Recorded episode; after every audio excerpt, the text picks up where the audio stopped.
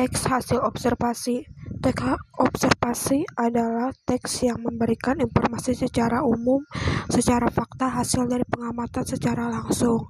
Observasi adalah dengan si pengamat dengan terjun ke tempat yang diamati. Informasi itu bisa diliputi tumbuhan, hewan, sosial, peristiwa, kesenian, dan kebudayaan.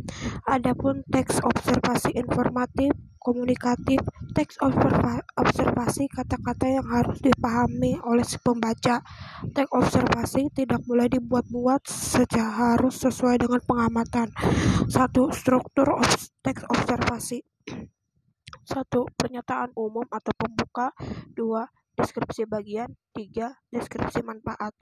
Kaidah kebahasan observasi. Kaidah kebahasan teks observasi adalah teks jenis jenis teks yang formal yang mengharuskan menggunakan kata baku secara serta bisa dipahami oleh pembaca.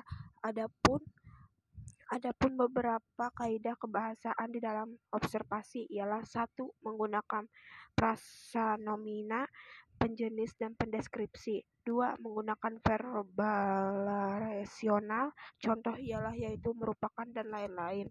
Tiga verb menggunakan verba aktif alam, 4. Menggunakan kata penghubung 5. Menggunakan kata simpleks atau kompleks 6.